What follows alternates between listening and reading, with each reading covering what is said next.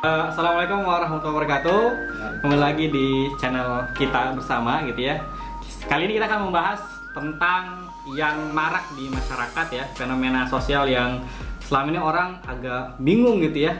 Ini sebenarnya boleh nggak sih uh, laki-laki make cincin emas, apalagi kan misalnya di masa pandemi ini kan banyak pernikahan ya, Pak ya banyak pernikahan karena kan mungkin ngelihat wah nikah sekarang enaknya cuma di KUA gratis Hmm, hmm, ya. jadi gak harus resepsi gitu ya nah banyak eh, bahkan teman-teman apa murid-murid yang saya ajar di SMA bahkan ya bahkan teman-teman saya yang mau nikah juga eh, mereka suka bertanya boleh nggak sih pakai cincin emas? Gitu. Boleh nggak sih pakai cincin emas putih? Kalau misalnya ternyata emas nggak boleh.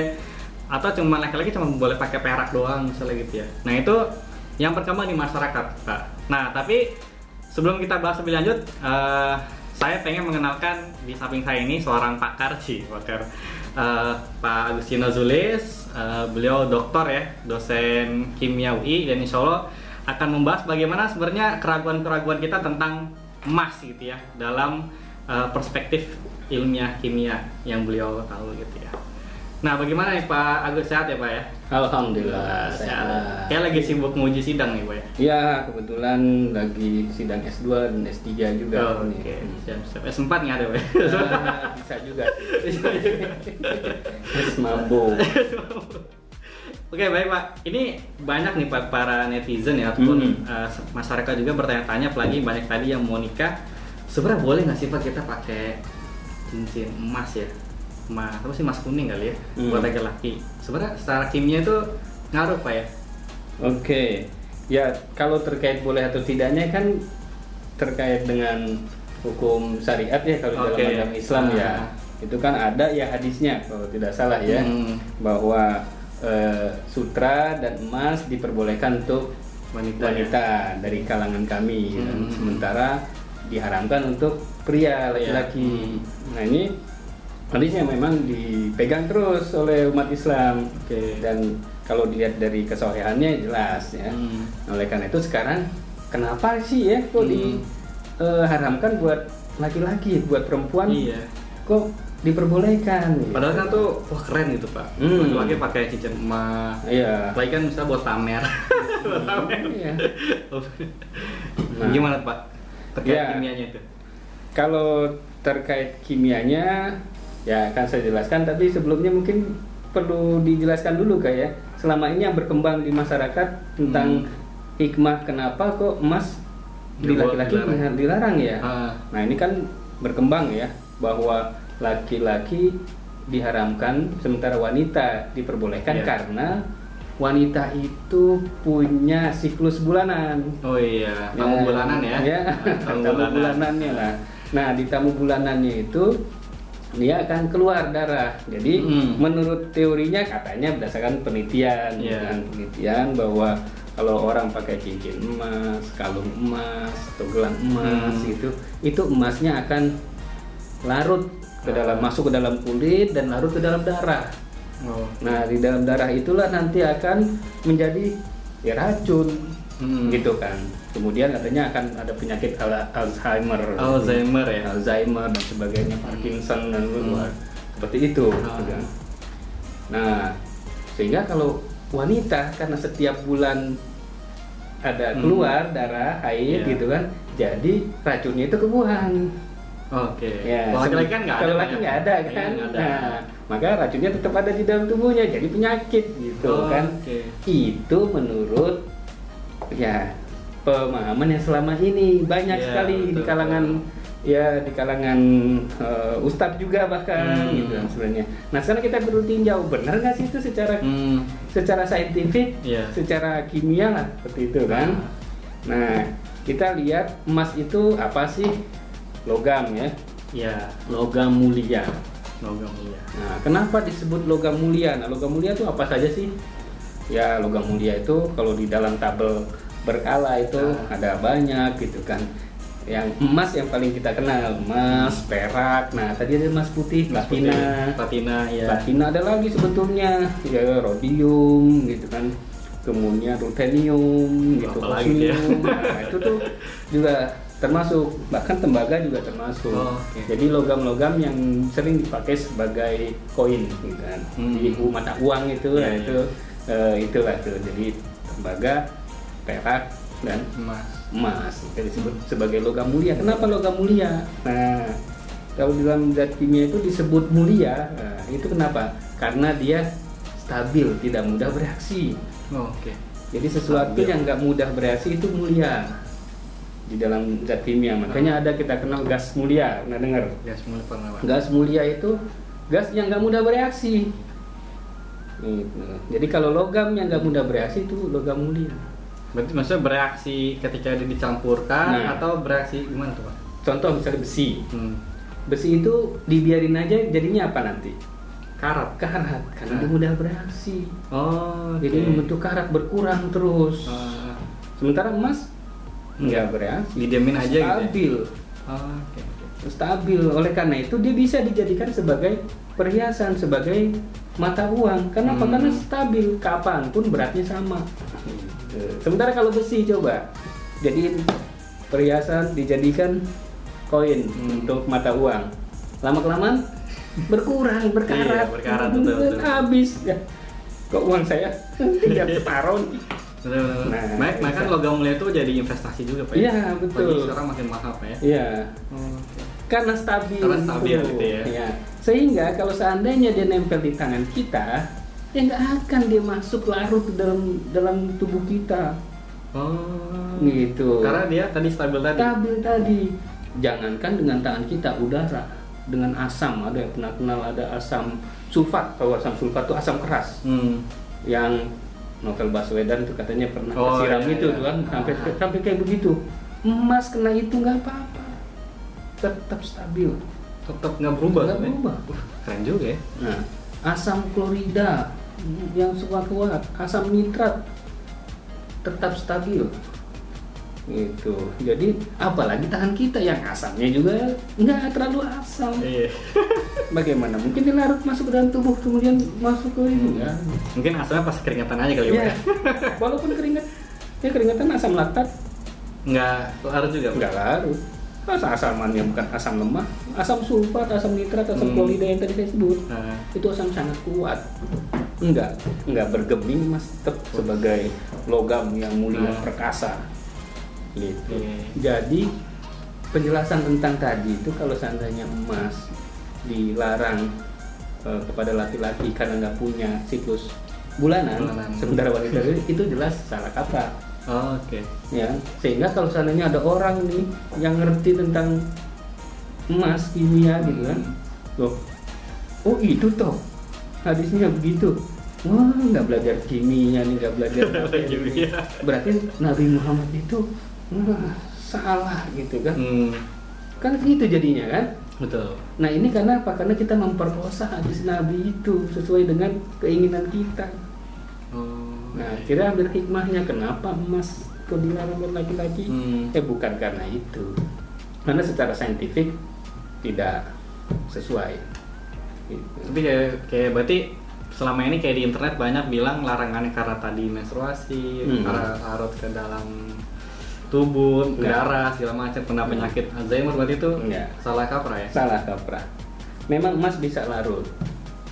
Larutnya itu pertama dengan apa yang disebut dengan air raja. Air raja. Air raja. Bahasa ya bahasa Jerman ini Konickwasser atau aqua regia kalau bahasa Inggrisnya. Aqua regia itu campuran dari nanti di asam-asam kuat itu dicampur bersatu padu Hmm. mereka Baru ngalahin emas. baru ngalahin emas tuh kalah kalau sendiri-sendiri nggak bisa Oh, jadi oke. kalau bersama-sama tuh HCl dengan asam nitrat bersama-sama untuk menggempur emas ah, baru larut bisa bisa tuh baru luar biasa kan jadi harus dengan kekuatan yang super Ah. mengalahkan emas Berarti buat ngalahin si mulia ini emang harus pakai raja ya? air raja Air raja. Harus pakai raja. Oke, Memang baik baik. air raja ini juga sangat berbahaya Hmm. karena kalau tangan kita masuk aja kecelup bisa larut juga Tapi kalau air raja itu bisa biasa dipakai buat apa, Pak? Hmm? Kalau air raja untuk melarutkan emas Oh. memang digunakan Membuat- untuk emas ya? membuatkan emas. Oke. Jadi untuk proses pemurnian emas, jadi emas dimurnikan, Hmm. ya dilarutkan, kemudian nanti di eh, istilahnya elektrolisis untuk dimurnikan. Jadi kalau emas murni itu berapa? 24 24 karat. karat. Hmm. Jadi kita kalau mau dapetin emas murni ya prosesnya dilarutin dulu tuh emas Ah. mentah. Oh, Baru. Baik, baik. Berarti kira-kira hikmahnya apa nih Pak? Kenapa Nah, laki-laki dilarang? Kenapa laki-laki dilarang? Karena emas ini kan perhiasan. Hmm. Ya. Dalam Islam dia perhiasan itu untuk siapa? Wanita. Wanita. Iya. Oh. Jadi kan yang indah-indah kasihlah ke wanita, Wanita. karena wanita itu indah kasih ke, ke wanita. Kalau laki-laki pakai pakai emas jadi perhiasan nanti dikhawatirkan menjadi kewanita-wanitaan. Kan? menyerupai gitu ya. menyerupai wanita. Ya sebenarnya dalam hadis itu kan sutra juga kan. Oh, iya betul. Iya, kalau seandainya permasalahannya menstruasi, ya sutra kenapa? Enggak. hmm. Ya, karena menyerupai wanita tadi. wanita. Jadi memang dalam Islam itu kan lelaki itu harus menunjukkan kelelakiannya. Nah. Aku harus jadi lelaki yang seutuhnya lelaki. Oh, Tangisku buang, dadaku busungkan, luka dan derita aku sembunyikan. asik. baik, baik. Berarti emang lebih ke arah sana Pak ya terkait Iya. larangannya ya. Ya, kan lebih ke arah sana. Jadi kalau menghubungkan secara saintifik itu memang perlu pendalaman ilmu yang Hmm. lebih gitu. Jadi nggak bisa secara artifisial permukaan. Jadi malah nanti ada hal yang salah. Hmm. Kalau orang yang lebih mendalami itu nanti melihatnya, oh Islam begitu salah dong, gitu Nah, kan? iya, betul. Ya, jadinya malah kontraproduktif gitu. Jadi bukannya semakin meyakini Islam, Hmm. malah wah, buat yang awam yang tidak mengerti, betul sih, oh gitu toh Iya. gitu kan. Tapi buat yang mengerti kebalikannya gitu kan sayang juga. Baik, baik, baik. Nah, itu hikmahnya ya, uh, guys, terkait uh, kenapa akhirnya laki-laki itu dilarang pakai emas ya. Nah, kalau ada pertanyaan lain nih, Pak. Kalau misalnya emas putih, Pak, itu Hmm. sama nggak sih uh, apa-apa apa, dihukumi sama dengan emas ya, tadi ya, logam mulia atau Hmm. emang berbeda? Ya, mm, dari sini kan emas putih ini kan platina ya. Hmm. Ya, platina eh, ya kalau dari sisi harga ya Hmm, lebih, lebih mahal, mahal. lebih mahal dan lebih berat. Hmm. Hmm. Berat jenisnya lebih besar. Hmm. Kalau emas itu 19,31, kalau platina itu sekitar 21,5 gitu. Oke. Jadi satu gramnya itu berat, Berat. gitu kan. Hmm. Nah, kemudian apakah dia dilarang atau Hmm. tidak? Nah, memang yang yang apa namanya dalam hadis Nabi ini kan emas yang dimaksud ya emas yang warna kuning, Kuning. ini ya, Oh, oke. ya zahab, Eh, zahab ini ya gitu. Jadi eh, memang yang warna karena warna kuning inilah bentuk perhiasan itu kan Hmm. mencolok, Oh iya benar. Iya kan. Sementara kalau kalau platina ini sendiri kan mirip juga dengan warna perak. Warnanya yang Oh iya, putih, putih, gitu kan. agak- Gitu kan. Jadi buah-buahan ya. ya Nah. tidak terlalu mencolok gitu Hmm. kan. Ya. Eh Jadi nggak masalah. nggak masalah. Masalah. Berarti kayak perak juga nggak masalah ya? perak juga nggak masalah gitu Oh. kan. Karena sementara emas saja kan Ah. yang jelas jelas disebutkan dalam Hmm. eh, hadis Nabi tersebut. Adapun platina disebut Hmm. emas putih gitu kan. Iya. Itu kan definisi kita. Oke. Ya kan definisi Ah. kita emas putih. Namanya apakah emas putih itu zahab? Hmm.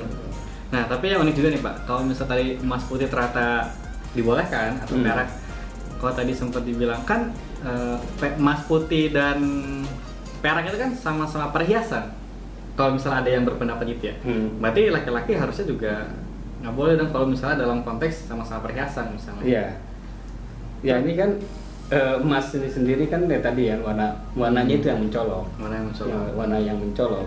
Dan juga kalau perhiasan sendiri di kita kan juga banyak sebagai perhiasan yang kita pakai laki-laki jam misalnya. Hmm.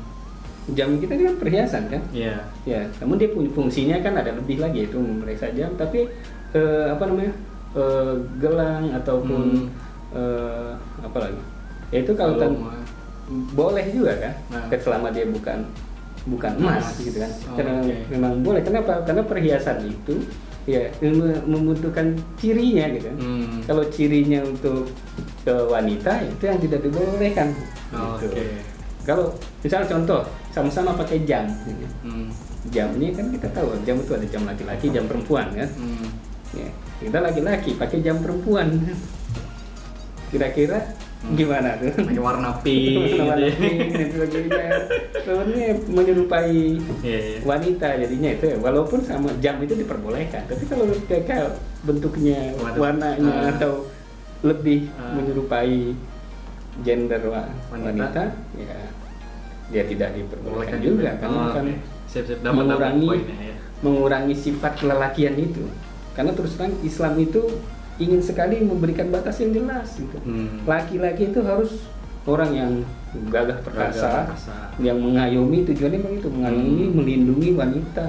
Yang memang wanita itu untuk ya perhiasan. Nih, Gitu. bukan laki-laki jadi perhiasan juga kan nggak ada yang ngelindungin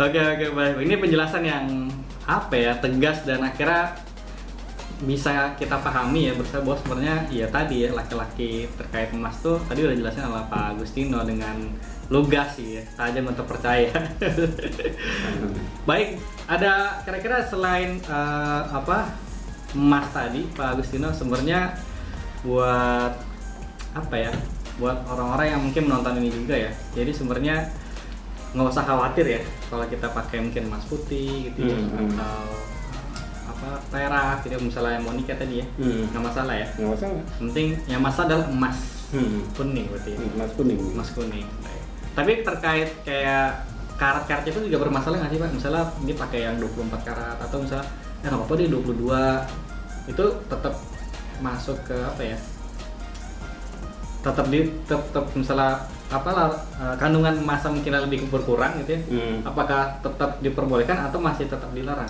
Oke, jadi emas itu ya digunakan sebagai perhiasan Hmm. ya, eh, kar- dengan dicampur, dicampur dengan logam lain seperti tembaga atau perak, Iya. sehingga awalnya kan 24 karat. Kalau emas 24 karat ini yang kita pakai perhiasan, ya, cincin, gelang dan Hmm. sebagainya, itu emas itu orang sering bilang ini emas yang lembek gitu, lembut ya.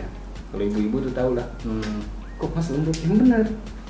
Emas 24 karat itu lebih mudah di berubah bentuknya. Oh. Jadi kalau cincinnya nanti itu awalnya bulat nanti lama-lama bisa aja begitu. Kalau 24 karat itu Hmm. yang membedakannya. Sehingga untuk menjadi perhiasan yang awet hmm. itu harus dicampur dengan tembaga dengan perak Oh, jadinya kan ada oke. 22 karat 22, iya. 18 karat Hmm. 18 karat itu sekitar 75% emasnya perak atau tembaganya sekitar 25% gitu. atau lebih rendah lagi Hmm. nah itu baru bisa di- dijadikan perhiasan yang bisa sustain bertahan bertahan lama bentuknya Hmm. jadi bentuknya nggak berubah nah ya sama aja berarti Iya. sama aja ya? oh, oke. mungkin takutnya orang mikir ah itu kan mungkin emas murni yang 24 karat gitu. Kalau Hmm. misalnya cuma 18 karat atau 22 kan campuran dong nggak udah nggak sepenuhnya emas gitu. Yang dijadikan perhiasan itu malah yang bukan 24 karat. Malah bukan yang 24 karat ya oke oke. Kalau dijadikan 24 karat dia berubah bentuknya malah ini ya. Apa susah pak? Iya, bentukannya. Nah, banyak kan. Ya kalau apalagi yang eh, digunakan untuk bikin ornamen dan sebagainya Nah. itu kan harus kuat Tapi harus campur-campuran dia dicampur Oh, Hmm, tembaga. Baik, eh ini jadi kita jadi tahu ya bos sebenarnya larangan emas buat laki-laki itu alasannya apa ya? Secara saintifik maupun secara hikmah gitu ya yang bisa kita dapatkan pada sesi kali ini. Eh, terima kasih banyak buat Pak Agustino yang sudah menjelaskan. Eh, insya Allah kita akan ada sesi berikutnya Pak ya Insya Allah buat ngebahas hikmah-hikmah dari apa ya eh, hadis gitu ya atau Hmm. misalnya secara syariat maupun fenomena-fenomena di masyarakat yang lagi ngetren akan kita bahas secara saintifik ya dan Hmm. hikmah yang pastinya. Itu saja terima kasih yang sudah menonton jangan lupa di like, share dan subscribe ya, komen. Kalau ada yang mau minta penjelasan tertentu nanti kita akan cari pembahasannya silahkan aja di komen di kolom YouTube kita. Terima kasih sampai jumpa di sesi berikutnya. Assalamualaikum warahmatullahi wabarakatuh. Waalaikumsalam warahmatullahi wabarakatuh.